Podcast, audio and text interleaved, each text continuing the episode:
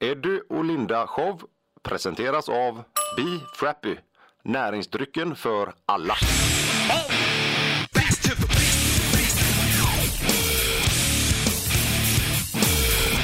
Varmt välkomna Eddie och Linda Show, Pirate Rock här. Hoppas ni mår bra där ute i eten. Och vi befinner oss i Stockholm. Trevligt. Ja. Här gillar vi att hänga. Ja, vi har haft en väldigt många intressanta möten måste jag säga som gör att eh, man får många funderingar och man eh, blir väldigt upplyft. Absolut, och hur roligt som helst. Ja, och nu sitter vi här med en eh, person som jag faktiskt har fått äran att lära känna för några år sedan och blev lite småförälskad i faktiskt måste jag säga. Eh, inte, i, eh, inte i det yttre kanske på det sättet men personen eh, faller man för ganska omgående. Trevligt. Ja. Jag ska göra en liten presentation. Han började som 20-åring träna kampsport, öppnade sedan en egen thai-boxningsklubb. Han har läst in en mängd böcker och det är väl där jag älskar honom med hans röst. Han är jättebra skådis också. Han sökte faktiskt till scenskolan åtta gånger. Eh, Trots det försökte han, har han försökt ta livet av James Bond. Han har spöat Tom Cruise i magen och eh, spelat in massvis med film. Vi har en hel bunt med papper här. Film, tv och allt vad han har gjort. Det är så imponerande. Kanske mest känd för svenska folket som Seth Rydell, tror jag.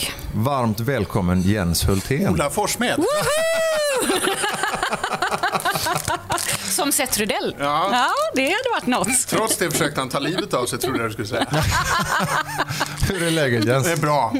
Jag sitter här och kalasar på dina goa grejer här. Underbart att höra. Be frappy. Hur, eh, hur står livet till med dig? Mycket bra tycker jag. Ja. Ja. Du har eh, väldigt många strängar på din lyra, ofta. Eh, Just nu så har du precis landat din, ditt senaste projekt, Monologen. Och eh, som jag var och tittade på och lyssnade till. ja, det var så kul när du kom tycker jag. Måste säga att eh, man blir berörd. Eh, man blir också väldigt känslosam. Eh, och ni som missade denna missade verkligen något, ett eh, litet uppvaknande kan jag säga. Hur, hur kom den till, sista matchen? Vad- Det började, förstod du, när jag var 15 år. Eh, nej, men någonstans. Hela livet, det är, det är egentligen därför jag håller på med skådespeleri. För att få berätta, inte om just mig, men, men om... Eh, alltså jag tror alla vi har ett behov av att eh, dels prata om oss själva, det tror jag alla är förtjusta i, även om man inte erkänner det.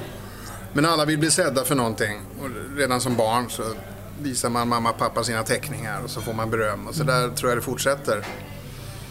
Eh, och det var väl därför jag halkade in på skådespeleri efter tränings... eh, jag tränar fortfarande, men, men, men just för att få berätta någon form av historia. Och även i det bli sedd. Men just den här pjäsen kom till att jag jag har funderat länge. Alltså, som konstform tycker jag det är jävligt häftigt att kunna stå på en scen och ta, ta in en publik. Och är man själv, det är ännu större tycker jag. För det, också, det kräver också sin, sin uh, estradör, man eller kvinna. Modigt att göra det själv också, tycker jag. Ja, det är det. Du är utlämnad. Därför att är du en pjäs, som vi tre spelar en pjäs, så kan vi alltid... Då, ja, nu, nu är det Lindas replik och sen ska Eddie in och så, sådär va.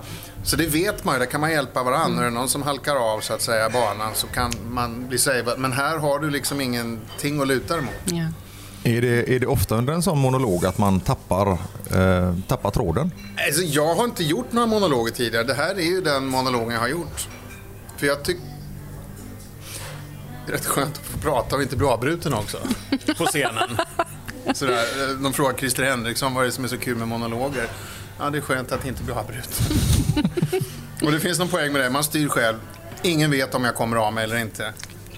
Nu har jag haft min son med mig som har spelat musiken då där och sitter och sjunger lite. Och man skulle säga att det är som ett soundtrack, eller hur? I en film, när det öppnas någon dörr så kommer någon spännande musik. Det är lite så vi har jobbat med den, så att det har blivit jävligt roligt att göra den. Inte bara min röst. Eh, men det hände någon gång, jag vet inte om det hände i Göteborg när jag var där, men när han... Någon gång så kom jag av mig. Och då vände jag mig till Eddie och så har jag sagt det att här, här är det någonting som fattas, eller hur? Och så har han fyllt i. För han har kunnat texten också ganska Ja. bra. Och han sitter lite med manus. Och då tar han den repliken och sen så exakt säger jag och vänder mig till publiken och då tror ju folk att det kan vara Planerat. Ja, eller inte, skitsamma. Det blir ändå ett levande ögonblick som jag tror är efter uppskattat. Men, men eh, det är klart, det här är ju nästan två och en halv timmars text. Så det var jävla mycket. eh, jag jobbade med den här texten i ett år. Men jag skrev den ju tillsammans med Benny Haag. Skådespelare och författare. Eh, så det var så den kom till. För att jag ville göra en monolog och sen när jag träffade honom så började vi prata lite sådär som livet är. Att fan, jag skulle göra en monolog. Ja, men det är bara att skriva, säger han. Ja, men jag kan inte skriva, sa jag. Ja, men jag kan göra det. Och så började han och så samtalade vi ungefär som vi gör. Jag pratar, han spelar in. Sen kom han efter ett par månader med en bunt papper och så här är den.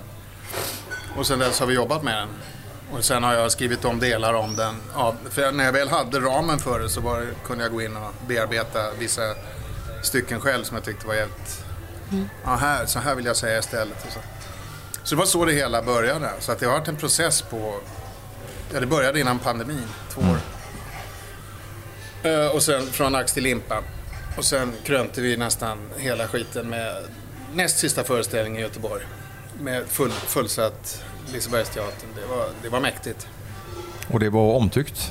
Ja, jag tror det. Ja. Kommer, den här, det. kommer den här monologen komma ut eh, eller kommer du fortsätta? Kommer ni åka runt? Ja, Jag går just och fu- funderar på det. Vi, vi åkte ju runt i åtta städer, gjorde tio föreställningar, två i Stockholm. Nu vet jag inte om jag ska. Alltså, vissa grejer kan vara sådär, ja, det var bara det. Nu går vi vidare. Eller så tar man upp det en sväng till kanske. Ehm, vi har inte varit i hela Sverige. Vi, vi har också ett litet snack med Riksteatern för att se om de, de var titta i Göteborg. Eh, region Väst där. Ja. Det är olika regioner för Riksteatern såklart. Ehm, så om de går in så kanske, eller så kanske vi bara kör ett par föreställningar till, eller så blir det inget. Jag, jag vet faktiskt inte. Nej? Jag går och funderar på det. Jag ska prata med min producent nu imorgon uh, för en eventuellt vidare grej. Vi får se. Ja, men som sagt, vi många strängar på sin lyra och eh, du vet vad du vill ha. Du vet vad du vill göra. Framförallt så vet jag vad jag inte vill göra. Men det är väl också jättebra? Jag tror att det är en bra början. Att ta ut en riktning på vad man inte vill göra. Så kan man liksom... Men det var början för dig. Var är du uppväxt någonstans? Jag är uppväxt i Stockholm i Vasastan. Mm. I sån här medelklass kan man väl säga. Mm. Pappa var jazzmusiker, mamma var... Är, eller var, hon lever men Mm. hon, hon jobbar inte längre. Uh, så här, designer och in, inköpare på Hennes och Mauritz. och- Farsan är död numera. Men, så det är en sån här blandad arbetarklass, konstnärsfamilj. och sånt. Visste du tidigt att du ville bli skådis? Nej. Nej. Men jag var jävligt snabb på att lära mig alla repliker utan till i Djungelboken och Nalle Puh och sådär. Så att det låg någonstans. Men var du i skolan då? Hur jag var? Ja. Ganska ointresserad av det de lärde ut. ja Okej. Tyckte det var roligare att väga på stolen och snacka med polarna. Spela fotboll tyckte jag var kul.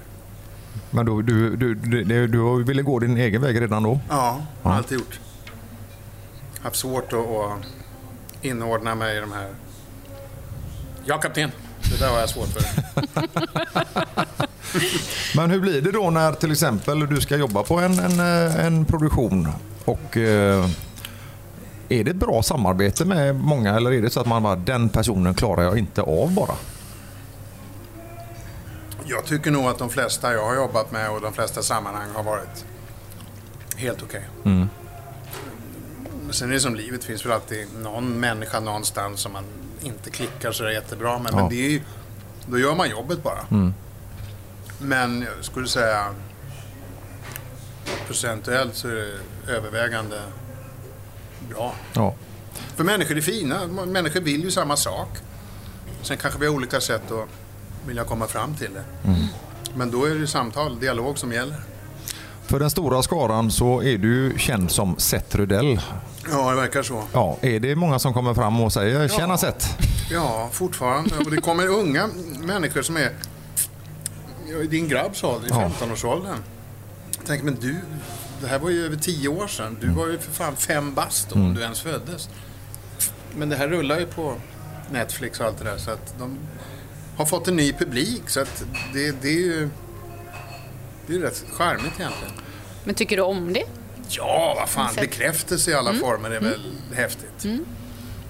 Sen skulle man väl kanske, när unga pojkar kommer fram att du är så jävla ball och han bara cool och bara sköt och så. Då vill man egentligen sätta sig ner och säga, vad är det som är så cool? Det är ju faktiskt en skurk som du blir impad av. Vad är det som är så cool med det? Jag fattar. Själv växte man ju upp med liksom Taxi Driver och, och Scarface och allt det där. Så att man får inte kasta för många stenar i sitt egna glashus.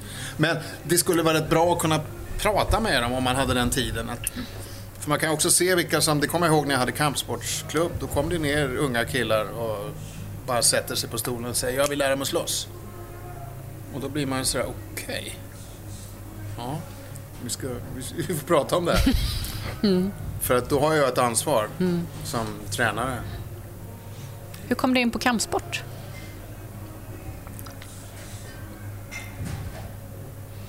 Ja, jag tyckte, jag tyckte jag var så... Jag ville nog helt enkelt kunna försvara mig. Jag var smal och liksom rätt osäker när jag växte upp. Och jag ville inte bli mobbad och jag ville kunna sätta ner foten om det behövdes. Och jag har alltid varit fascinerad av muskler och folk som kan slåss. Trots att jag är på gränsen till pacifist. Så jag vet, det är någon konstig... Men samtidigt, det är ju som du är. Vad fan, du är brottare, men du är världens godaste gubbe. Du går ju inte ner och brottar ner folk liksom. Nej, ibland. Det, det händer. Nej, men man har väl sin... Jag vet inte vad det är. Det här är ju, det är rätt fascinerande. Vad är det som... Jag kommer ihåg när jag såg Arnold Schwarzenegger första gången. Jag bara wow! Vilka muskler! Och då var jag ändå sådär 12-13 bast. Ganska gammal nog att förstå att... Men jag, jag var helt sådär fascinerad. Men är det inte så att man har en drivkraft och hittar man sin grej i den drivkraften så vill man ju se hur bra man kan bli. Jo, men det kunde lika gärna blivit pingis. Jag var jävligt duktig i pingis till exempel. Så varför började jag med någonting som är så galet som kampsport när man faktiskt kan fara jävligt illa? Ja. Istället, jag menar, om man förlorar pingis, det kostar ju ingenting annat än att man blir lite ledsen. Så varför blev det det? Va? Jag, jag, jag, kan inte svara på det än idag. Men snart 60 år fyllda så kan jag ändå säga att jag är ändå glad att jag lärde mig fightas. För det har jag dels haft nytta av i, i yrket, alltså som fi, filmskådis. Men också känslan av att man kan gå rak i ryggen genom livet och veta att det är ingen som knuffar omkull mig sådär i första taget. Alltså, bara den känslan att jag bjuder inte in till och honom ska vi mobba liksom. Och det tror jag nog var drivkraften från början. Jag vill inte bli den där mobbade killen. Jag vill inte bli kallad tunnis. Jag vill inte liksom... Det hänger nog ihop med fåfänga också tror jag. Jo, men alltså när man har, varit med om många smällar i livet så kanske man förknippar det med att ja, men okej, då kan jag i alla fall både ge och ta lite. Ja, maybe. Men jag är ganska privilegierad. Jag har liksom aldrig blivit mobbad. Jag har aldrig fått stryk sådär på riktigt. Eller varit hackkyckling. Sen har man hållit på smällar i ringen, och, alltså, såklart. Eh, men... Uh, nej, jag vet inte. Sen drev du ju en egen eh, Ja. klubb Det gjorde jag. ja, i många år, eller? Ja, det gjorde jag nog. Eh, det var en kille igår som blev rankad fjärde dan i kickboxning. Det finns tydligen en graderingssystem där. En äldre kille också. Men som kanske är tio år yngre än mig. Eh, och han hyllade sina liksom, forna tränare, varav jag var en. Och nämnde oss som, som eh, pionjärer. Och det, det kan man nog säga att jag var med i den svängen som pionjär. Alltså i kickboxning, thaiboxning. För det var inte så vanligt. Det, var, det började med kung fu och så var det taekwondo och så började de mä- mäta krafter. Vem, Vilket är bäst? Bruce Lee eller du vet sådär. Och sen när thaiboxning och kickboxning kom in. Eftersom jag började med boxning tidigare än 20-årsåldern. Jag började när jag var 14-15. Så tänkte jag boxning är ju det ultimata. fighting-sättet när du bara använder händerna. Och sen då karate, thaiboxning måste ju vara jävligt effektivt med fötter och knän. Armbågar och sen brottning, judo, jujutsu. Alltså, då börjar man ju laborera med det där. Och vi var ju ett gäng gubbar på den tiden som träffas än idag på, på gubbars vis. Som körde det där, det som idag har utvecklats till MMA. Ja. Fast vi tränade bara. Hur tar man en brottare som dyker mot benen? Mm. Kan brottaren lära något? Och sen gav vi så att på det sättet var vi nog pionjärer. För då, då var det ju antingen höga snabba sparkar eller så var det just inom kampsporten. Och det var ju rätt lärorikt. Precis som man tar olika stilar om man är sångare eller om man är skådespelare. Man har De Niro, Marlon Brando, Anthony Hopkins. Ja, det fanns det hos Margareta Krook. Det här gillar jag också. Man plockar överallt. Och det tror jag är ju det bästa. Rent intellektuellt och även fysiskt. Inom träning. Man tar det som man tycker är bäst. Och läser man böcker så läser man både fiktion, man läser fakta och man liksom samlar så mycket grejer som möjligt för att sen kunna skapa sin egen snöboll. Det tror jag är stenhårt på. Men tränar du fortfarande kampsport? Ja, någon dag i veckan sådär som jag sa. Vi är ett gäng gubbar. Ja, som- det är ni som tränar ihop? Ja. Aha. Vi, vi... Vad säger man? Vi brukar säga att vi, vi har kuddkrig. Fick jag genast en bild här hur Ja. träningen ser ut. Ja, mysigt det låter, tycker jag. Det är så lätt att bli skadad och det läker inte. Va? Men vi är, det är någon gammal brottare och det är, det är gamla jutsu-mästare. Alltså det, det är tunga gubbar. Och alla är vi runt 60. Och vi har lärt känna varandra, vi lärde känna varandra i början av 80-talet. Men nu är det ju sådär. Ja, telefonkedja är det ju inte, men det är sån här Messenger. Ja, blir det någon träning idag? Nej, jag vilar. Då är det någon som är bakfull eller trött. men så blir det någon söndag sådär och då ses vi och då kör vi lite. Vi kör en halvtimme, 40 minuter, sen är alla helt slut. Men vi har ändå fått sprattla lite och sen är det bastu. Ja, vad mysigt. Jävligt gött. När du gör de här rollerna som du har tagit på dig och det är eh, kampsportscener i detta. Hur mycket repar ni innan för att det ska bli så bra som möjligt? Alltså när du har de här kunskaperna som du ändå har. Alltså jag har ju slagits på olika sätt när jag slogs med i de här Mission Impossible och det där, då är det ju en koreografi som ska passa filmen där. Jag kommer ihåg när jag provfilmade åkte till London och fick träffa stuntkillarna inför Skyfall, där jag sen slogs under vattnet. Då började jag, då skulle de hålla plattor och allting sådär för att syna mig och, och jag slog ju på som fan och de sa du är för bra för att vi måste lära om din stil. Okej. Ja, du vet, man måste ta ut svingen ordentligt och öppna upp hakan för att kameran ska hinna registrera slaget och, du ska, och så vidare. Den här klassiska vilda västern-slagsmål. Ja. Och det var ju svårt att lära om till att försöka. Nu, nu vart det inga sådana fighter, nu vart det den där undervattensgrejen. Sådär. Men, men det vi gjorde i Johan Falk, där har vi en de senaste filmerna där jag går i MMA-ringen Jajamän. med Alexander Karim. Och då hade vi en MMA-kille, Nico Musuke, som... eh, Ja, vi höll nog på i flera veckor innan den där liksom, själva filmdagen. Och tränade. Och jag hade ju min kunskap. Alexander hade tränat taekwondo och sådär. Så att vi hade båda ganska okej kunskaper. Men sen skulle vi då lära oss hur, så att det skulle se MMA-aktigt Ja. ut. Och då var ju han med. Och Nico Musoko, ni som inte vet, är ju före detta UFC-fighter. Ja, exakt. Ja. Väldigt duktig kille. Skitbra kille. Jag vet inte om han tävlar fortfarande. Jag tror att han, eh, han, han håller sig nog... eh, Han jobbar nog bara vanligt nu.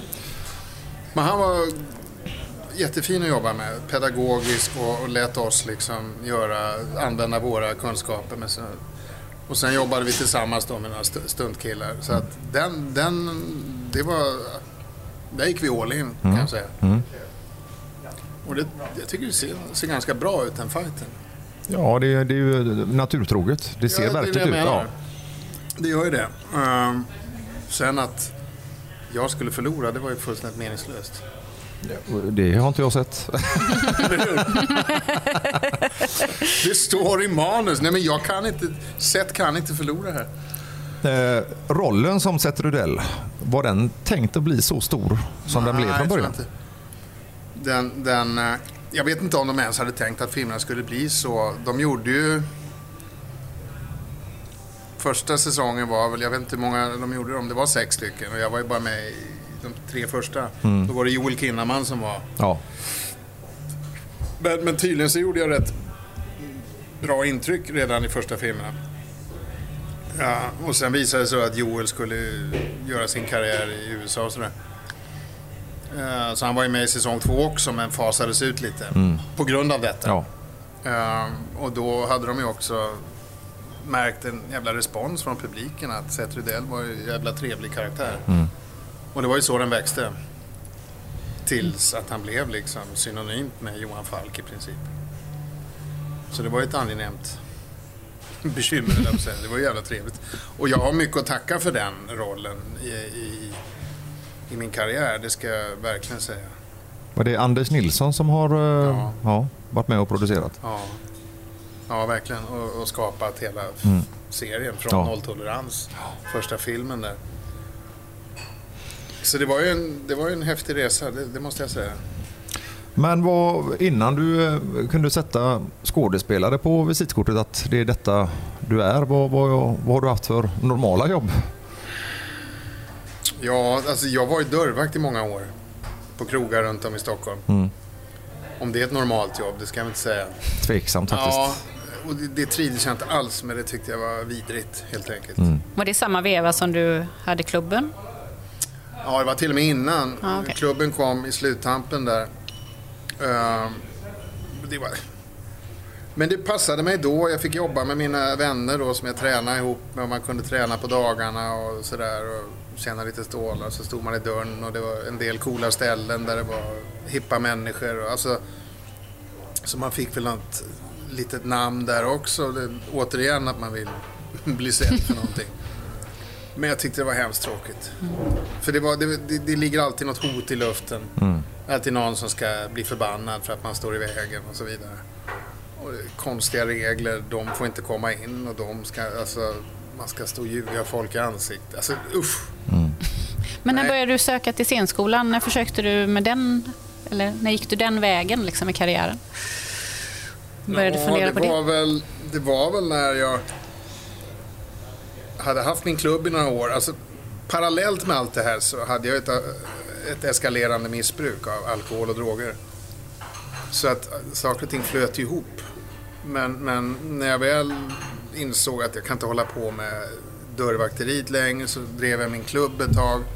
Och sen började det balla ur för att jag var jävligt oansvarig gentemot mina elever. Jag kom halvpackad och så vidare. Eh, på slutet, jag drev den rätt seriöst ett tag så att jag gjorde ett bra avtryck. Och det är många, många framgångsrika fighters som har tränat hos mig som jag får tack av än idag. Så jag var, jag var en bra tränare men jag, jag, jag var inte så, alltså, jag ville vidare, jag ville någonstans men jag visste inte vart. Och då stötte jag på en snubbe som sen började prata om skådespeleri med mig och då fick jag honom som eh, mentor. Och sen började jag liksom söka scenskolan med hjälp av honom. Att jag läste in scener hemma i hans vardagsrum och spelade upp och han regisserade lite. Så det var en lång jävla resa. Samtidigt som jag höll på att kröka och det, det blev liksom ingen riktig ordning på någonting. Så att därav tror jag också alla dessa sökningar. Jag hade nog kommit in om jag hade varit fokuserad. För jag kom in ett år men då var jag i så dålig form så att då sa de du kan inte börja. Men vi hade tänkt att ta in dig. Ta med dig den och gå hem och fundera. Vilket jag gjorde och sen tog det väl ytterligare, några år innan jag liksom gjorde slag i sak. För jag tänker om man söker så många gånger då vill man ändå dit. Ja, det vill jag. Därför Ja. att så fort jag hade fått träffa den här, eh, Lars Gren heter en gammal skådespelare som kom in med Bananklasen i Hem till byn. Då gjorde han sitt, alltså på 70-talet, så det var hans genombrott där. Men så han är väl idag 75. Eh, vad sa jag? Vad var grejen? Ja, Scenskolan. något- Ja, det var något han... eh, Lars Gren. Ja, jo, men, men, men eh, du sa... Så, jo, nej, men jag blev biten. Ja. När han gav mig, min för, alltså han gav mig Per Gynt, Ibsens Per Gynt, och så skulle jag läsa första monologen där. där Per Gynt kommer hem och ljuger för sin mamma att han har gjort det och det och han sköt en stor bock och han seglar bland mål. Alltså han är en skrävlare av, av rang. Va? Och jag tyckte det var helt... Jag blev helt fascinerad av att fan, jag kan säga de här orden och utmaningen att få någon annan, inklusive mig själv nästan, att tro på det jag säger. Det tyckte jag var rätt häftigt. Och så var det ett språk som jag inte hade kommit i kontakt med tidigare. Det litterära språket. Som, som jag då ville få låta som om att det var jag som sa det fast med en vokabulär som, som man inte normalt har tillgång till. I synnerhet kanske inte som kampsportare. det var jag fördomsfull. Men, men det är ju så att man blir ju liksom... Man ägnar sig åt, oftast, och lika väl intellektuella ägnar sig bara åt det och håller inte koll på sin kropp. Ja. Det där tror jag väl har fasats ut något. Att folk börjar liksom förstå ett helhetstänk Ja. idag på ett annat sätt än då. Men vad hände där? Du sökte scenskolan massa gånger och hur kom du vidare? Nej, jag sökte och kom inte in. Nej. så, du vet, först, ibland åkte jag i första provet, ibland kom jag till andra. Sen var jag tillbaka till första. Så jag bara, vad fan är det som händer? Ser de inte hur bra jag är? Men jag var inte så bra, för jag var jävligt poserande. Jag var liksom rätt sådär... Jag skämdes lite över det. Och det kan jag göra fortfarande när jag ska repetera. Man, så kan jag känna, usch, det här är pinsamt. Det är först när kameran går på eller publiken sitter där, det är då jag kan... Då, släpp, då har jag liksom inget val, då är det bara hoppa. Och då, då sitter allting som jag har repeterat in. Men när man ska sitta sådär och läsa med varandra och halvrepetera inför en scen på någon film eller så känner jag alltid så här, äh, det här känns bara larvigt. Står jag här och håller på för. Men så fort det blir liksom vasst läge, då, dyng, då försvinner allt alla blickar på mig, alltså mina egna blickar. För jag tittar alltid på mig själv utifrån. Det gjorde jag också där när jag sökte scenskolan. Här står jag och tjötar. Om vad? Du vet, Ja, ja. då är man redan utanför sig själv på ett fel sätt. Men vad blev din första roll sen? Ja, fan, det är en bra fråga. Det kan vi se för vi har en radda med Ja, papper här. på film, alltid. på film Herregud var vad du har gjort Jag mycket. fick göra en eh, korrupt snut i Emma Åklagare 96 tror jag. 97? 96. 96 gjorde Han du tre kronor. Ja, Tre kronor. Ja, det var nog, det var nog den första. Ja, ja, 96. Där var jag dansbandsledare. Oj! Det var en statistroll och jag hade någon replik. Jag skulle gå fram till Sanna Ekman tror jag och säga tjena eller någonting. Just det. Den såg inte jag komma faktiskt. Ja, Dansbandsledare. dansbandsledare.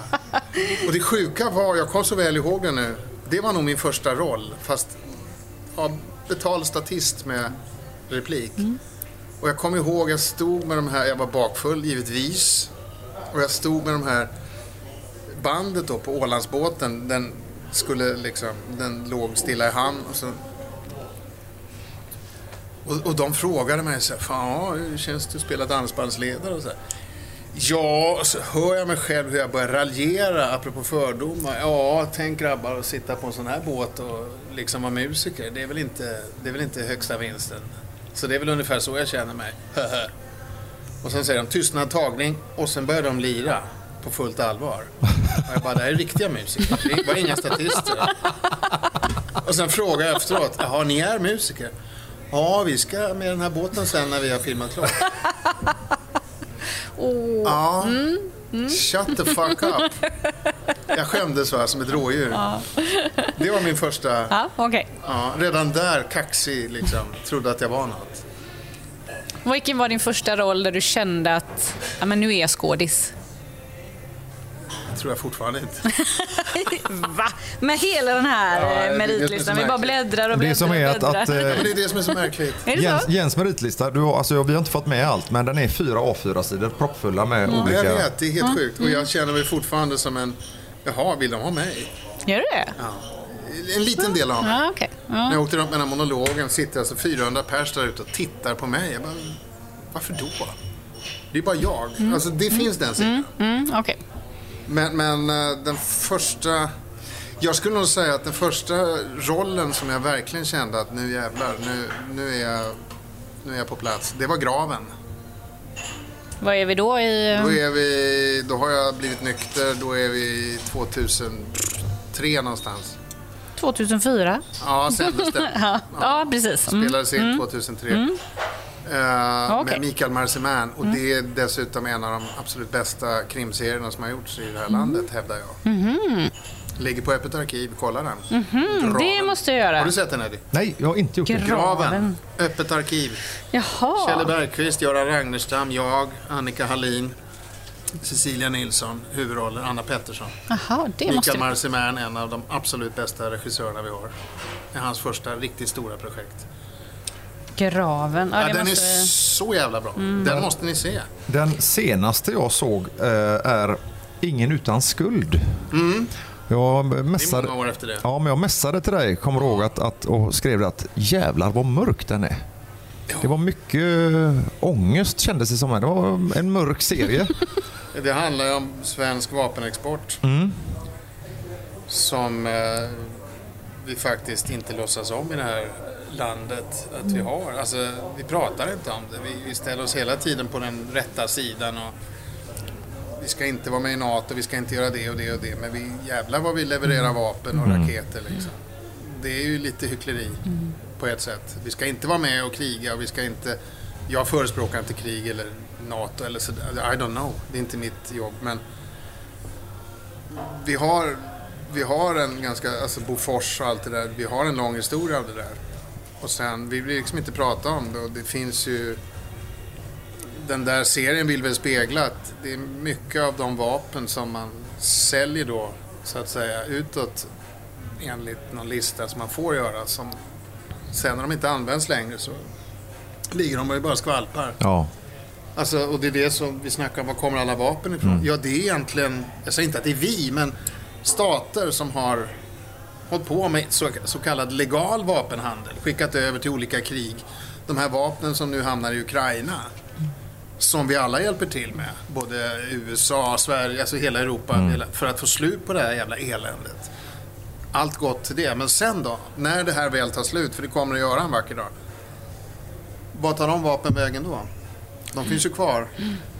De snappas ju givetvis upp av kriminella ligor. Som, alltså det är där, det är så det funkar. Och det var väl lite det som Ingen utan skuld ville berätta. Sen tycker inte jag man lyckades fullt ut med det. Eh, och vi hade väl planer på att göra en säsong till när man kunde liksom fördjupa det där. Men det var liksom hela tanken kring den serien. Men när, när du, alltså du, du, har ju, du, du kan ju väldigt mycket. Du är väldigt påläst och du är väldigt engagerad. Vad har du, vem, vem inspirerar, inspirerar dig? Du Eddie. Tack älskling. Ja, då tackar vi för den här intervjun. Nej men vem, vem inspirerar mig? Eller Ja, vad? alltså vem, vad, vilka? Eh, vad, vad, vad hittar du? Alla möjliga. Ja. Jag gillar kloka personer. Jag läser mycket eh, smarta böcker. ja, men så här, eh, faktaböcker, filosofiböcker, alltså de här gamla filosoferna, Kant. Eh, alltså, det finns ju, finns ju liksom delar av utilitarismen som bygger på att all, en och all, alla, alltså vi ska alla liksom som en, och jag kan inte förklara det nu så här på rak arm, men eh, utilitarismen är en del av filosofin som kom med upplysningen på 1700-talet. Där så här, fanns gamla såna här författare som hette Bent, uh, Jeremy, uh, jag är så jävla dålig på namn. Men den, den bygger ju på att om jag ska förenkla det hela, man är aldrig starkare än sin svagaste länk. Det gäller att hela tiden ta hand om att se till att alla får så att säga del av kakan. Ja. For the greater good liksom. För allas bästa så behöver vi göra så här och så vidare. Men sen finns det alltid, det finns alltid hål som inte täcker upp hela den här grundidén. Ja. Och det är de man kan peka på som utomstående och säga det där funkar inte. Nej, givetvis inte. Det finns alltid luckor. Men alltså, som vi nu håller på med och säger att demokratin håller på att falla, det är, det är fruktansvärt. Men, och så säger man demokratin funkar inte. Finns det något alternativ som är bättre? Vad är då alternativet? Det är ju för fan, det är ju diktatorship alltså, eller, eller eh, det här envåldsstyret nu som håller på att hända. Det är i Ungern eller det är i Ryssland eller eh, Italien fick nu en sån ledare. Alltså är det det? Demokratin är ju inte på något sätt perfekt, men det är det bästa vi har. So far. Absolut. Och det, då måste vi jobba med det. Så att sådana här grejer intresserar mig och vill, ska jag kunna förstå själv nu låter det som att jag bara bluddrar för att jag får inte ihop. Det är så mycket som kommer på en gång. Det var en jävligt jobbig fråga helt enkelt. Nej, den är intressant men den kräver ju också en förberedelse. För det här är ju jävligt avancerade grejer. Om man ska kunna hänvisa till rätt författare eller rätt. Men, men allting, all, all filosofi bygger egentligen på att ställa frågor. Utan frågor så finns ju inte filosofi. Sant. Varför är det så? Och då går det hand i hand med vetenskapen. Va, vad är det som gör det här? Men om man då förnekar det och hittar på egna sanningar. Ja, det där är skitprat. Och så börjar man liksom... Jag menar, religionerna pysslar ju med tro. Men de pratar ju som att de vet. Vetenskap pysslar med vetenskap men de säger att de tror. Det är skillnaden. Det borde ju vara vice versa. Alltså man, man och det är väl därifrån jag får mina liksom tankar. Att jag läser de här böckerna, jag, jag hör på samtal. Mycket av litteraturen som, vi, som skådespelare. Det var det jag menade också med att man fick ett språk med den här eh, Per Gynt, alltså litterärt. Strindberg, det var ju en tänkare av rang. Även om han var galen på sitt sätt. Eller galen, excentrisk Speciell. speciell. Och det, det, det krävs ju speciella människor som givetvis väcker liksom. Men sen måste vi också försöka samla ihop det där. Allting kan ju inte lutas åt att Elon Musk kommer in med sina miljarder och ska flytta mänskligheten till Mars. Nej. Det är ju ett steg som vi inte... Och det som Dalai Lama sa, vi borde... De frågade honom om han tror på utomjordiska varelser. Så att han så här stilla så... "Hmm. I think human beings should take care of uh, Mother Earth first. Och det är väl ganska enkelt. Smart man. Ja, men bara klok. Ja. Som ett barn. Så, här, varför gör de så? Va- Varför ska vi hålla på och... Sen det är klart att vi behöver också utveckla oss och då kan det vara inte... Vad händer på Mars och så vidare. Men att liksom satsa... Alltså, vi, vi springer ifrån oss själva på, på ett sätt som jag tror är jävligt skadligt för oss. För vi är inte utvecklade än. Vi håller ju på fortfarande att reagera på vad fan säger du? Eller hur? Alltså vi reagerar ju med, med den här primalhjärnan.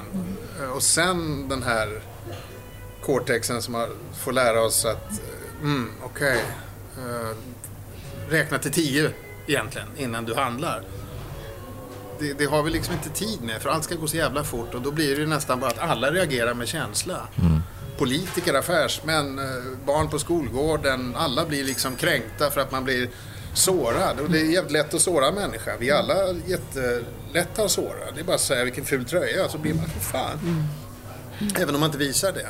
Men vi, vi, och så låter vi inte liksom funderingarna komma ikapp och säga okej, okay, vi gör inte det. Utan allt går för fort. Och därför behöver vi böcker, vi behöver bibliotek, vi behöver teater. Där det tar tid. För man får sitta där. Men jävlar, det ska hållas på med mobiler även där va? Alltså, i, i teatersalongen. Jag tänker, i, nu sitter ni här och tittar på mig. Ni har betalt pengar för att se mig säga saker. Är det så jävla tråkigt så du måste bläddra i din mobil samtidigt? Och är det så att du... Är det på grund av att din mamma är, ligger för döden hemma så kanske du inte skulle ha gått på teater? Alltså så tänker jag. Men det, det är som att det är en ful ovana bara. Det, det, det går liksom inte och det där är ett missbruk. Våra hjärnor har blivit helt Ja, det där är ingen bra utveckling. kidnappade. Nej, det, är- det är ett medel som är jättebra att ha. Men det går inte att styras av det. Precis som al- alkohol kan ju vara jättetrevligt. För de som kan använda det. Men styr vi oss, då går det åt helvete. Jens Hultén, är du en person som klarar av att leva i nuet? Eller har du alltid en ständig jakt framåt? Både och. Jag tror alla ligger framåt någonstans. Om vi inte har något driv framåt då tror jag vi bara blir apatiska. Men det är väldigt många som, som inte njuter av nuet. Det är här och Ja, men nu det, också. är, det är jag ganska bra på. Jag är bra på att göra ingenting. Jag är jävligt bra på att gå hemma och inte få någonting gjort. Mm. Och då har jag bläddrat i någon bok och läst någon klok grej och skrivit ner någonting och sen... Ja, men jag skulle ta ett glas filmjölk och så, så. Nej, nu vill jag se på fotboll. Alltså, så där är jag jävligt bra på. Mm. Men sen har jag också en liten motor som bara, jaha, när kommer nästa jobb? Hur ska jag klara nästa hyra? Allt det där. Mm. Eh, Men jag har blivit ganska bra på att vara nöjd med det jag har. Och får jag frågan vad, vad önskar du dig? Ingenting annat än att jag vill ha det som det är. Jag vill bo där jag bor, jag vill ha det jobb jag har, jag vill få de jobben jag får, jag vill behålla min relation. Och nu har jag blivit farfar, jag vill se honom växa. och Så där. Det, det är ju... Nej, jag är väldigt nöjd. Du är på en bra plats Ja, just det, nu. det får jag nog säga. Ja, härligt. Men du har, ju, du har gjort väldigt, eh, väldigt olika saker. Och då tänker jag så här, jag gör en svensk produktion här hemma, jag kan ta vad som helst här på listan, eh, ja men Johan Falk till exempel, mot att göra en Hollywoodproduktion. Är det stor skillnad? Nej, Nej? egentligen inte. Eh, Kärnan är detsamma. Ja. Jag ska stå framför en kamera och säga någonting som vi alla kommit överens om och sen ska jag gärna göra det på ett sätt som alla blir wow vad bra. Det är ingen skillnad. Men själva apparaten är ju enorm. Alltså det, det är väl ungefär som att spela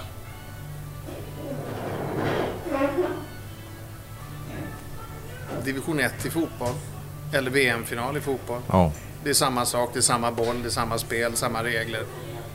Men det är på en helt annan nivå. Så det är den stora skillnaden.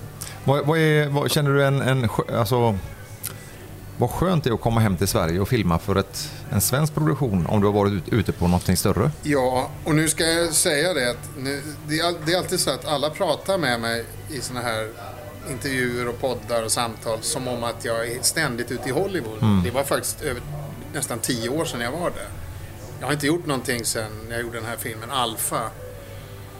Som jag gjorde för ja, sju, åtta år sedan tror jag. I Kanada. Så det var Skyfall, Mission Impossible och Alpha inom loppet av några år där. Sen har inte jag varit utomlands. Var det medvetna val att, att dra dig Både utomlands? och. Jag åkte efter Mission Impossible till Los Angeles och bilade runt där och träffade uppgjorda möten med producenter, rollsättare och var inne på de här stora filmstudierna, Paramount. Det var rätt häftigt. Nu gillade inte jag Los Angeles, men, men liksom, att vara inne på de här stora studiogrejerna var ju cool. Och det var ju sådär, oh you can, you can do, oh we can, we can use you, you can do, you can play the lead, you're, you're a lover man and you're a fighter, we can use, alltså, och det var den här amerikanska säljgrejen, jag kände bara, nej, då var jag 50. Tänkte jag, ni har ju för fan Brad Pitt. Jag kan ju aldrig göra det han gör. Därför att han har språket, han är infödd. Jag kan aldrig göra det. Jag kan i bästa fall komma dit och göra en trovärdig skurk från Bulgarien. Men jag kan ju aldrig spela de rollerna eftersom språket inte är mitt. Och sen tycker jag inte så mycket om att vara borta. Jag gillar att vara hemma. Jag, jag trivs jävligt bra hemma. Och det har säkert kommit med åldern. Hade du frågat mig om jag var 30 så hade jag gärna. Men nu, fan, det är 60 år snart. Jag är inte alls sugen på att liksom ligga i, på ett hotellrum någonstans i världen och vänta på att få gå in framför kameran och ha fyra repliker. För det är liksom lite sådana roller man gör. Så det roar mig inte särskilt mycket. Var det spännande och kul att spela in med Rebecca Ferguson? Det var roligt eftersom vi båda är svenskar. Ja. Och hon... Så vi hittade varandra där direkt och, och liksom hängde lite och sådär. Men den rollen var ju å andra sidan, den var ju rätt stor. Den blev ju det. Så det, det, det, där var ju ett riktigt nöje. Det tycker jag. Och det var väl jävligt kul att göra den. Samtidigt som jag gjorde den Alfa sen. Det var också en hyfsat okej roll. Men, men... Och då känns det som, ja vad ska jag toppa med efter Mission Impossible? Liksom? Ja. Nej men då har jag gjort det äventyret. Jag får bättre betalt i Sverige. Jag har, jag har större status här. Jag får det bästa. Och är jag i Göteborg då känner jag mig ändå hemma. Liksom. Det har varit så mycket. Så det, det är ju... Men att vara i Kanada eller Los Angeles och filma. Alltså, ja, Okej, nu har du en veckas ledigt. Du kan ju inte åka hem. Nej. Åka hem då ett dygn. tidsomställning, två dygn, sen ska du tillbaka. Alltså det går inte. Nej. Och det, det har jag aldrig så mycket... Jag, nej. Men vad är det roligaste du har gjort under alla år? Bland allt det här som vi bläddrar i hela tiden. Men det finns många som är roliga. Alltså, graven som jag nämnde var ju svinkul för det var min första stora grej i ett riktigt stort fett sammanhang. Så den minns jag med välbehag. Jag, jag minns också min första roll på Galeasen med Richard Günther, Mojo 96. var också svinkul för det var mitt första ordentliga jobb där. Sen tyckte jag den här monologen jag gjorde nu var fantastiskt eftersom det var mitt eget driv, min egen grej som jag gjorde. Ehm, Ingen utan skuld var kul för jag fick en huvudroll i en serie. Sådär. Alltså, så det är mycket... Det finns en del jävligt roliga grejer. Som jag, jag tycker var, varje jobb är kul.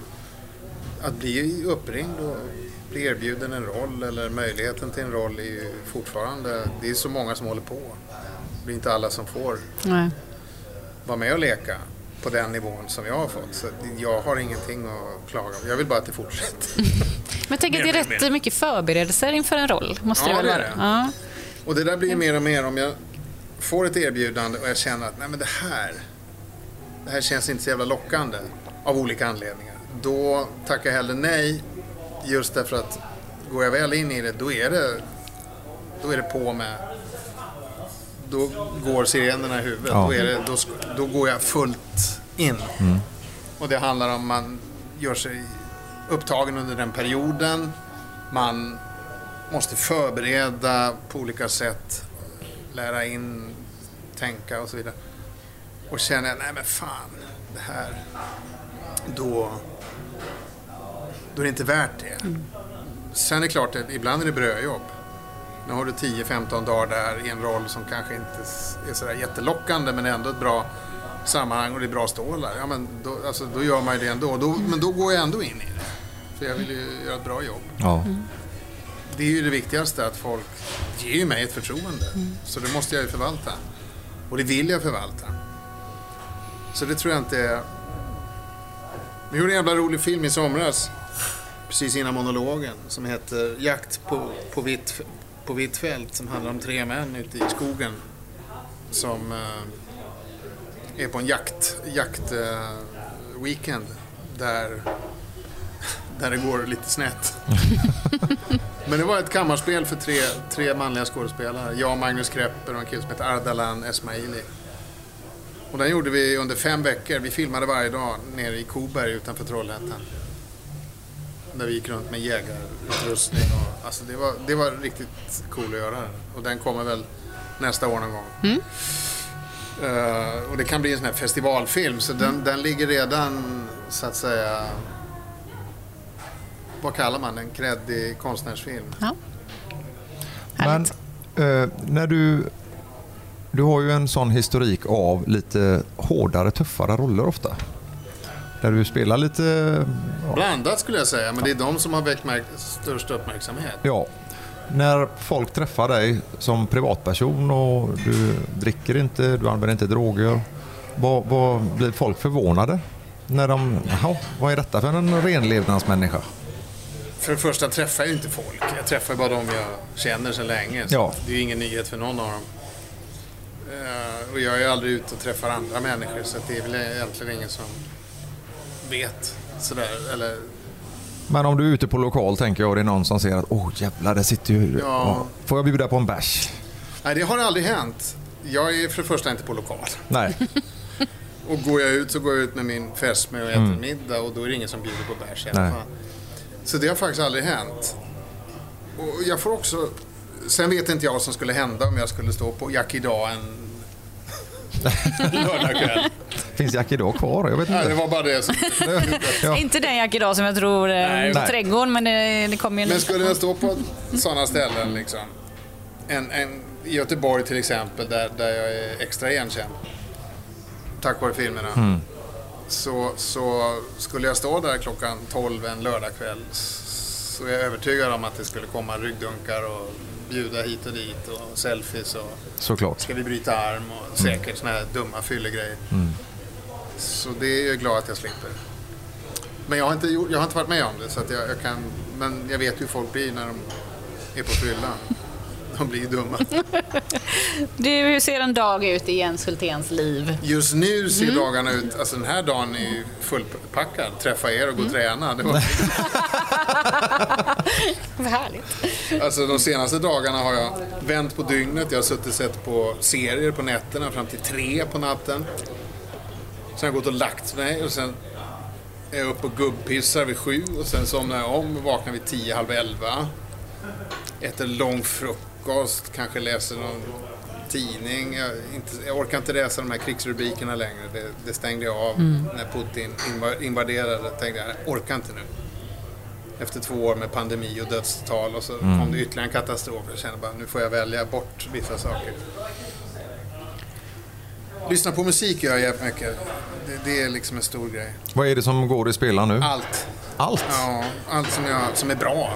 Det, det, jag är oerhört bred. Allt ifrån singer-songwriting till opera, till jazz, till soul. Men det är mycket soul, mycket gammal sån här 70-tals soul. Det tycker jag är grymt. Spelar du något instrument? Men jag klinkar gitarr, men inte så bra som jag skulle vilja. Där är min son fan så mycket bättre. Ja, det måste jag ju faktiskt säga att, att eh, jag har ju hört Eddie några gånger Ja. på både kampsportsgalor och Ja, även nu på det, det, monologen. det. Och, alltså jag, jag, eh, vilken röst, vilket, vilket engagemang och vilken... Ja, ja. vilket Nej, han, är, han är exceptionellt begåvad. Det, det är en sån jävla glädje att... Och där, därför har det varit så kul att få göra den här grejen med honom. Åka runt i, i Sverige med honom och den här showen. Och han har ju förgyllt den oerhört med sitt... Liksom, vad är det som piper? Ja, du.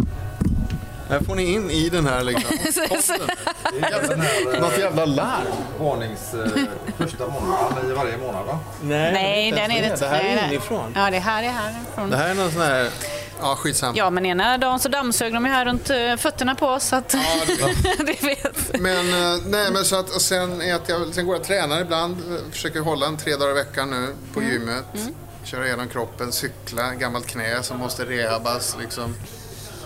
Ehm, och sen går jag förbi min kompis som har en skivaffär runt hörnan där jag bor. Står där, tjötar en timma, kollar lite skivor, snackar. Sen går jag hem, sen är det mat. Sen får man läsa lite, sen kan man se på fotboll, TV. Alltså det är toppen. Men du är inne, i en, nu. ja, inne i en lugn period nu. Ja, ja, för att jag har haft sån oerhört, alltså hela det här året som har varit har varit exceptionellt mycket. Filmade i våras, gjorde alltså en filminspelning. Ser, eh, Ondskan, Jan Guillous Ondskan, ska, har gjort som tv-serie nu. Oj. Så den släpps väl nästa år. Så den gjorde jag, då var vi mycket i Litauen. För det är där man lägger många produktioner som ska utspelas i Sverige. För att vi inte har tillräckligt med stålar här hemma. Så det handlar om filmpolitik. Det är så dumt egentligen att vi ska behöva alltså, åka till Litauen för att låtsas att man är i Göteborg eller Stockholm. För de har det billigare där. Det, det handlar om... Ja, det är något jävla film... Låter jättekonstigt. Ja, det är inte så konstigt. Det, det är politik. Det, det, om vi hade fått... Det här har med skatter att göra också. Alltså... Det heter något speciellt som jag heller inte kommer på nu. Det är väl Alzheimers. Men, men eh, vi skulle behöva kanske en jävla massa pengar i Sverige som stöttar filmproduktionen. Så att vi kan lägga våra filmproduktioner i Sverige, vilket vi gör delvis. Vi har Film i Väst i, i, där och så vidare. Och Trollhättan och, och, och filma i Stockholm och Malmö har varit en del. Men det blir dyrare att vara i Sverige med en del produktioner. För du, du, åker du till Litauen då, då har du deras crew och de är billigare. Och det, ja, det är ett simplare sätt att få igenom sina Jaha, produktioner. jag trodde man tog med sig hela... Nej, Nej, då åker förstår man jag. Bara, Ja, det man åker bara skådespelare, regissör och kanske någon foto, äh, fotografen. Annars har du allting där. Mm, okej. Och de jobbar ju för en billigare peng, så man kan ju säga att vi använder dem på lite fel sätt. Men de är glada att de får jobba. Och vi är glada att vi får göra våra serier som nu spottas ut i parti och minut. Men eh, jag skulle helst se att ska man spela in i Stockholm ska man vara i Stockholm. Skitsamma, vi var i Litauen och gjorde den där ondskan. Och sen gjorde jag den här filmen som jag pratade om tidigare, Fem veckor i skogen. Sen började jag repa och gjorde monologen. Så att det har, hela året har ju varit... Uh, och sen gick jag in och gjorde en uh, berättarröst också till någon sån här såpa reality show som heter The Bridge som ligger på Amazon Prime Video. För det har du gjort ganska mycket Vad? Röster? röster va? Nej, inte så mycket. det? Men här och där. Här gjorde jag en berättarröst. Eh, Det var ett gott jobb liksom som jag klämde in emellan allt det här. Du läste in lite böcker också. Det har jag gjort Ja. och det är rätt kul. Ehm, Men, men eh, så det här året har varit helt galet bra. Och då är det ju jätteskönt nu att få landa. Och sen har jag gjort två provfilmningar för två filmer nästa år. Landar någon av dem så är det okej. Landar inte så får man fortsätta och se vad som händer. Nu har jag åtminstone en ekonomi i mitt företag så jag kan leva ett tag utan att behöva gå och oroa mig för att hyran ska in, vilket är skönt. För det är så där det ser ut. Ibland jobbar man ju konstant i ett år och där drar du in alla pengarna. Sen händer ingenting på sex månader. Och då måste man ju... Så att det... det men jag, jag gillar ju att ha, för att riktigt kunna vara i nuet, så gillar jag att veta, ja men i september eller i april ska jag göra det. Då är det jävligt okej. Och nu är det fortfarande okej, men om, om vi börjar glida in i våren här och fortfarande ingenting har hänt. Om jag fortfarande inte vet vad jag ska göra, då vet jag att då kommer en oro sprida sig i mig. Dels för att jag vill börja jobba igen, för jag tycker det är jävligt kul att jobba. För då har man varit ledig ett tag. Man kan sitta och se de här tv-serierna och fotboll och läsa de här böckerna till en viss gräns. Sen måste man... För annars blir jag helt isolerad. Jobbet är också ett sätt för mig att komma ut och vara lite social eftersom jag inte är så jävla social. Förutom med min närmaste klitt. Klitt? Vad var det för Det jävla... var... Det, det var Pip! Vi sätter in något annat där, det går Ja. bra. Man ser det dock inte i eh, det här som många kändisar gör. Fångarna på fortet. Eh, Nej, och där har jag satt en gräns. Jag har fått många frågor om att segla över Atlanten grejerna. Som jag gärna tittar på. Men jag vill inte vara med och leka i TV. nej.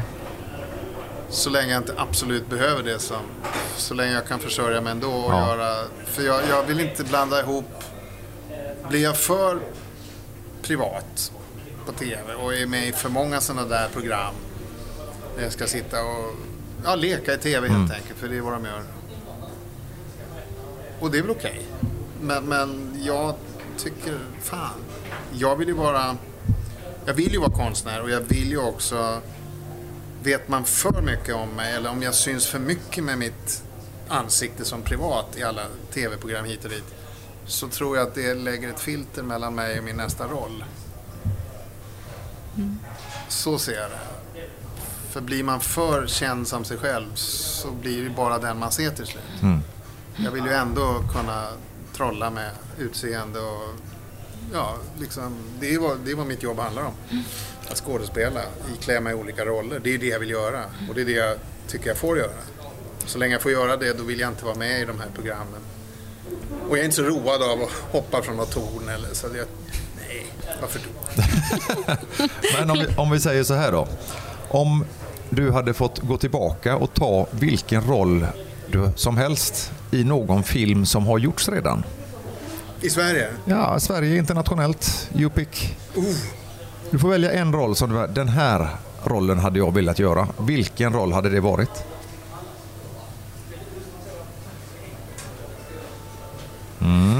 Hörru du, om jag skulle säga nej. Oj. Nej men jag är väldigt svag för de här gamla 70-talsfilmerna från USA. Taxi Driver, Serpico, Gudfadern-filmerna. Uh, såklart. Jag tror att jag hade gjort eh, Taxi Driver skitbra. Fast kanske inte på eh, engelska. Om jag hade fått vara svensk. Ja. Sen kan man inte göra den bättre än Robert De Niro, givetvis. Men om han inte hade gjort den och ingen hade haft Robert De Niro som jämförelse och jag hade blivit erbjuden den idag, Ja. eller för tio år sedan, så hade jag gjort den bra. Jag är helt övertygad om Ja, det. då, det, det är jag helt övertygad om att jag hade gjort. Och jag hade gillat att göra den, för det är en jävla spännande roll. en människa som håller på att ätas upp av sina inre demoner och sitt eget äckel inför sig själv och sin, som han projicerar på omvärlden. Det här med att städa upp allt det där. Så hade den gjorts på det sättet som, alltså byt ut mig mot De Niro så hade jag gjort den bra. Jag hade velat se, jag hade velat se den, svenska versionen. Det här var coolt. Ja. Men Tack. det går inte det att göra för nu blir ju allting en rip-off. Du kan ju aldrig jämföra med originalet. ja, men vi kan ju istället för Taxi Driver så kan vi köra Uber-föraren. Nej men då blir det en dålig kopia.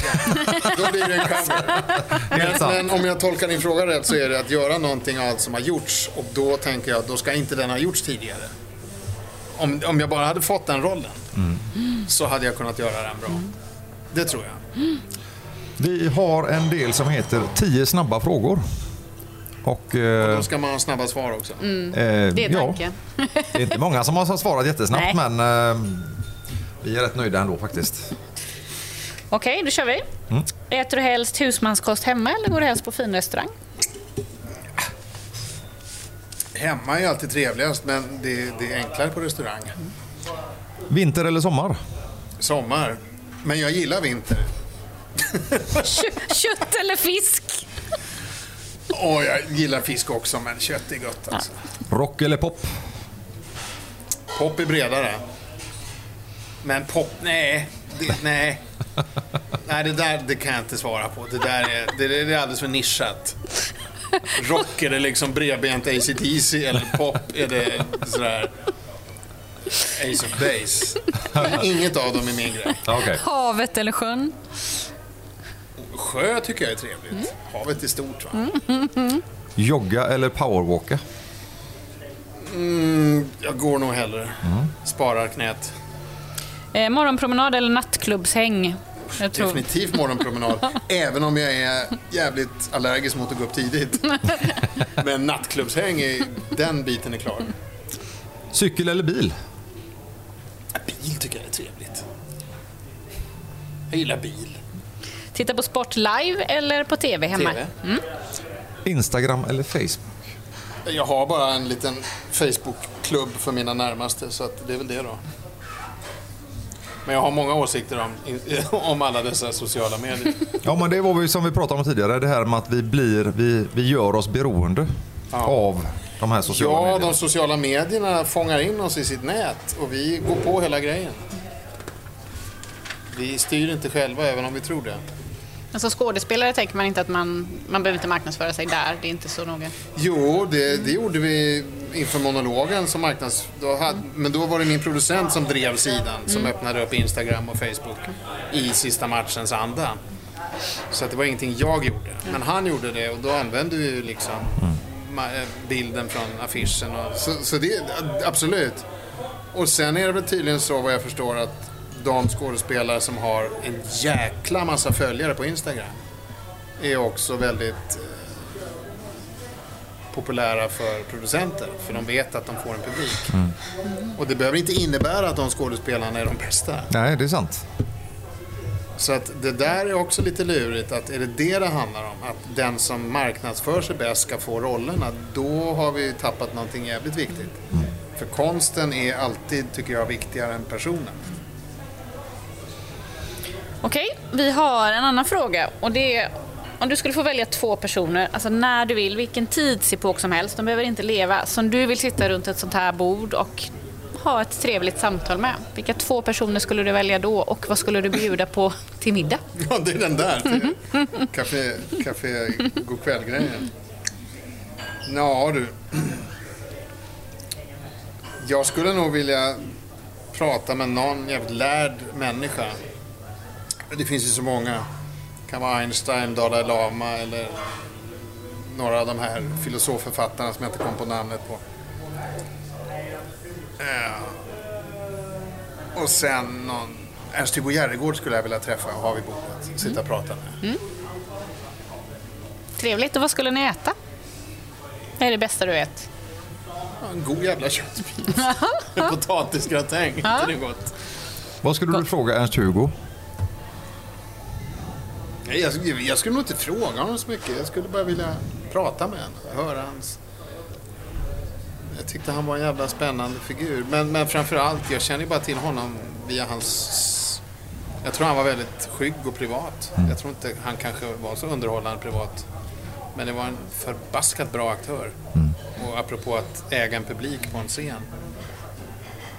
Ja, de där frågorna är så jävla svåra. Det, det, det är liksom...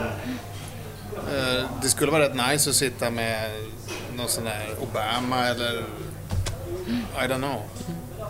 Människor som man inte... Gary Oldman, alltså... Jag vet inte. Margareta Krok. Jag har ingen aning. Det finns ju många som helst. Nej, hela bordet är fullt nu. Ja. ja. Det är en stor middag. Stor jävla middag. Eh, Sen har vi en annan punkt som vi kallar för tips från coachen. Och det är någonting som du vill förmedla ut till våra lyssnare om ja, men, att må bättre eller någon tanke man kan tänka. Någonting som du skulle vilja förmedla ut? Jens Hultén liksom. Ja du. Vem är jag att säga detta? Nej men jag tänker väl att jag tror att folk generellt skulle må jävligt bra av att ställa sig själv riktigt tuffa frågor. Börja där. Vem- Är jag den som jag inbillar mig att jag är? Och är mina åsikter och det jag tycker och tänker är, de, är det riktigt genomtänkt? Eller är det bara, går jag bara på känsla och fördom? Är det liksom, alltså att rannsaka sig själv först, för det, vi gör sällan det. Och det, det är nog, så har vi alltid varit som människa. Men, men det här att jobba med sig själv på riktigt. Vem är jag och, och peka finger åt någon annan bara för att den kommer därifrån eller tycker si eller tycker så. Det är ett jävla otyg. Med ett jättebra tips tycker jag. Och Där behöver vi tänka. Mm. hålla sig i form, träna på något sätt. Röra sig, gå, cykla. Lyfta skrot, brottas, whatever. Ja. Ja, brottas är bra. Brottas är Ja. bra. Mm. Kramas mycket. Ja, men det är ju inte kramas än. Nej. Att få dig över sig som ska låsa mig, då får jag ju Mm. panik. Ja, men alltså jag flåsar lite i örat samtidigt. Och det... Ja, men det skapar ju bara en... Det skapar ju bara, då får jag bara en känsla av att jag blir våldtagen. Det är väl inte att kramas? Jens Hultén säger jag får panik. Då vill jag ju bara slå mig fri. Det är därför jag valde, det är därför jag valde stående fighting. Ja, men om Jag du... slippa bli liksom flåsad i örat av någon gubbe på 112 kilo. Vad väger du? Ja, nu väger jag väl ungefär 126. Så att det... Och jag väger 80. Ja. Hur, hur är det ens möjligt?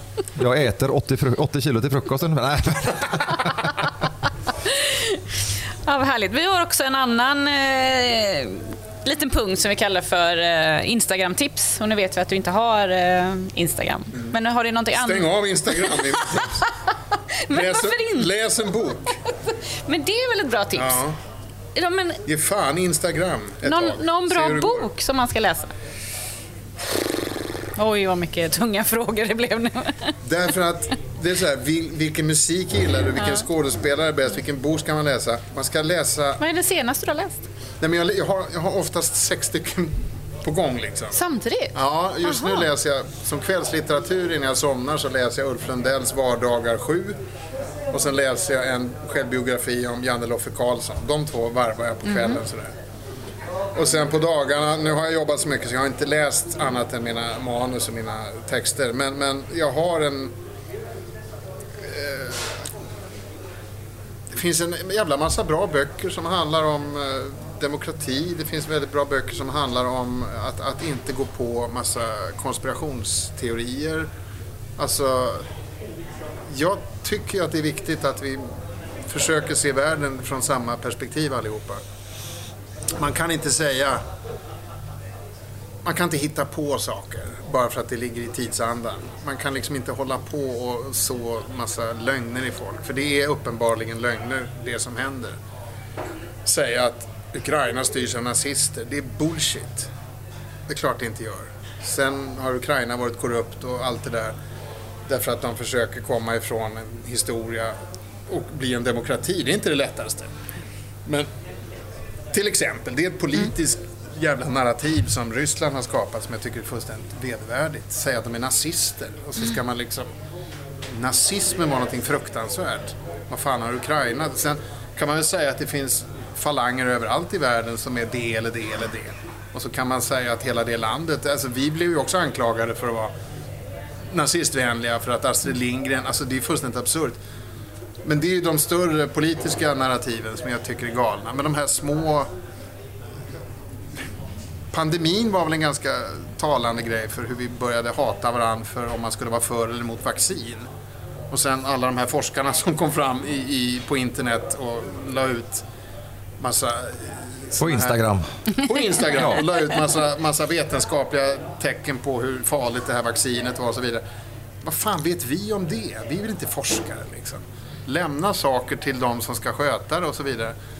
Lite sådana grejer tror jag vi skulle må bra av. Att ha lite mer tillit till, alltså om jag anlitar en arkitekt och ska bygga mitt hus så kan väl inte jag ha en tredje part som, har, som är hobbyarkitekt och tro att dens... Det är fullständigt absurt. Du måste ju lämna saker till de som kan. Hur kommer jag in på det ja, Vi pratar om böcker jag sitter fortfarande med frågan För det finns en jävla massa bra böcker ja. som faktiskt eh, speglar en, skulle jag säga, en verklighet som vi alla måste förhålla oss till. Sen kan man tro på Gud eller inte, det, det är en privatsak. Men man kan inte göra det till en sanning och sen skriva böcker om att det är så, om det inte är så. För allt tyder på att det är på ett annat sätt. Vi kanske måste förhålla oss till evolutionen och inte att Gud skapade jorden på sex dagar. Vi har ju en talman nu i riksdagen, en kvinna, som hävdar att det kan lika gärna vara sant att Gud har skapat jorden för 6000 år sedan. En talman, vice talman tror hon är. Va? På riktigt? Och så fick hon frågan, dinosaurierna då? Ja, det kan inte jag säga för det är så länge sedan. Nej, det är klart du inte kan. Nej men alltså på riktigt. Ja, nu ser du lite irriterad ut. Ja, men blir inte du det? Jo. Blir man inte upprörd? men det är roligast att titta på dig. Ja, och nu är jag ju här och pekar finger åt någon annan stackare. Det var inte meningen. Men vissa saker är bara för dumt. Va? Men du måste bara svara på varför har du så många böcker igång samtidigt? Jag förstår inte. Varför läser du inte färdigt den och så börjar du på nästa? Vissa skulle säga ADHD. Men jag tror inte det. Nej, Nej därför att så här. Jag börjar på en bok. Um, så här. Okej, okay, Varför demokrati? Skriven av Åsa Wikfors. Så läser jag den halvvägs. Och sen tycker jag, nu har jag förstått essensen av vad hon pratar om. Nu går jag till den gamla filosofen på 1700-talet som skrev något liknande i något annat ämne. Fast det hade med demokrati att göra. Fast då går jag till honom och så läser jag den halva så säger jag, men då har jag fått ihop det där. Sen helt plötsligt, wow, en jävla spännande bok om, om rymden. Som liksom Stephen Hawking skrev innan han dog. Sådär, jaha, oj vad häftigt. Så läser jag halva den. Det är också mycket att läsa de här böckerna. Det är mycket information att få in. Så att man kanske pallar halva efter ett tag och sen bara så måste man ta något annat. Okay. Och därför har jag också de här biografierna på kvällarna innan jag går och lägger mig. Efter att jag har matat mig full med massa serier. Ja, jag blir fascinerad. jag klarar bara en bok i taget. Ja, men det är ju en bok i taget. Jag läser jo, en bok, jo. sen går jag över. Men det fina med faktaböcker är att det är ingen handling du behöver hålla reda på. Nej. Så du kan ju faktiskt gå tillbaks och du kan ju hålla på med en sån här faktabok i tre år. Mm. Du tar ju bara upp ett och sen går du tillbaka och läser det som du inte fattar. Alltså det, är, det är mycket grejer som man ska begripa. Så att det är inte bara att plöja och sen, det går inte. Men, men det är också en liten ful ovana tror jag. Om du skulle ge ett tips till blivande skådespelare just nu. Vad, vad vill du ge för tips? Om Ta reda det? på varför de vill göra det. Vill ni bli kända? Vill ni tjäna pengar? Vill ni ha ett genombrott? Då börjar ni i fel ända. Ta reda på varför ni vill bli skådespelare. Och eh, egentligen finns det men man måste vara intresserad av yrket. Man måste vara nyfiken på... Sådär som när jag fick Per Gynt i handen. Fy fan vad spännande! Det här måste jag kunna gestalta. Jag hade inte en tanke på att ja, nu ska jag jobba med Tom Cruise om några år. Spännande. Det fanns inte, det var bara här. Jag såg den här figuren i den här litterära fiktionen. Och det var som jag såg när min son Eddie, när han fick en gitarr i handen första gången han var nio år. De här små händerna skulle greppa instrumentbrädan här och plocka ett ackord. Och jag såg när han fick tag i ett ackord och så fick han ett till efter ett tag. Och jag såg hur han blev frälst. Och då förstod jag att han förstod vad det var han hade gett sig in i. Mm. Det var inte det att, och jag ska bli som Jimi Hendrix. Han hade inte en tanke på det. Utan det var liksom wow, han kunde få ljud ur den här lådan. Och han förstod liksom, om jag gör så och så och här och så har jag, jag har en melodi här. Och det, det är samma grej med skådespeleri, att man bara Oh, tänk om jag säger den här repliken som Hamlet sa, att vara eller inte vara. Och sen så väcker det frågor i en själv. Vad fan menar han med att vara eller inte vara? Handlar det om människans djupaste... Alltså, för då börjar jag gräva. Det är det som gör mig intresserad av de här böckerna och de här samtalen. Vad fan är det att vara människa? För det är väl det skådespeleri handlar om. Att prata om... Eller att, att undersöka om vad det är att vara människa. För jag gestaltar ju andra människor. Vad är det att vara människa? Vad, vad, vad driver en sån som sätter ut det? Det är inte att han har tatueringar och rakat huvud. Varför har han det? Vad är hans drivkraft? Ja, pengar. Men varför vill han ha pengar? Kanske en otrygg barndom. Och så vidare. Vad är det att vara människa? Varför reagerar han så starkt på när någon ger sig på en kvinna samtidigt som han kan slänga någon ner för ett stup i nästa sekund? Vad är det som får en människa att bli så liksom komplex? För vi är ju alla komplexa. Um, så det är nog tipset. Att, att, in, att vill man bli skådespelare så måste man vara intresserad av vad är det att vara människa? Man behöver inte vara intresserad av att umgås med andra människor. Det, det är inte det det handlar om. Men liksom, vad fan, vad är det med Linda? Vad sitter hon och lurar på? Vad, vad är hennes tankar? Varför ställer hon de frågorna? Varför är det fascinerande att hon tycker att jag har många böcker? Vad, vad triggar det hos henne? Det är sådana frågor. Eller varför rör sig den här människan på det sättet? Så är det, ja, varför, varför går människan med böjd rygg? Är det för att den har dålig hållning, ont i ryggen eller är den mental? De vill göra, de, jaha, han är två och en halv meter, han vill göra sig kortare. Mm. Varför går en kille på tå? Jaha, han är 1,72, han vill vara 1,92. Alla de där grejerna finns ju, finns ju i oss. Varför hade jag långkalsonger under jeansen när jag var liksom 14 år? Varför jag hade för smala ben mitt i sommaren. Varför stoppade jag ner tröjan? Och jag ville se bitig ut. Jaha, jag ville göra karriär som bodybuilder. Alltså, det finns alltid någonting bakom allting. Det är ju aldrig bara en yta. Det finns ju alltid, och det där, det, det tycker jag är spännande. Varför? Hmm. Så det är tipset. Intressera dig för varför. Vad är det du vill med skådespeleri? Som Tommy Körberg säger till folk som sjunger så här, och det är bara wow! Han bara, vad sjunger de? Det är hans fråga. Och det vet de inte. Oftast inte. Vad är det du sjunger om? Liksom? Mm. För det som han kan och alltid har kunnat, det är därför han är så jävla bra. Han berättar en historia med, med sin röst, med sin sång. David Bowie, vad berättade han? Han berättade, han berättade om livet, om, om identiteter med sitt artisteri. Han ville någonting. Han hade någonting. Sen utmanade han normen genom att klä ut sig till transvestit och folk trodde han var bög och det ena med det andra eller att han var, du vet, fördomar. Men han var bara, han var bara ute efter leta. Identiteter var han fascinerad av och det uttryckte han via sin musik. Alltså det är sådär, det är det som konsten handlar om. Varför målar man en tavla? Du vill ju berätta någonting med den tavlan, även om du bara målar en kossa. Så är det, verkligen.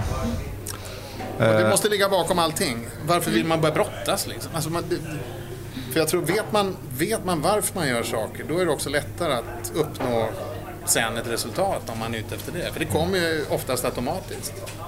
En människa som har en stark vilja att förmedla någonting, på vilket sätt det än är, blir också oftast sedd.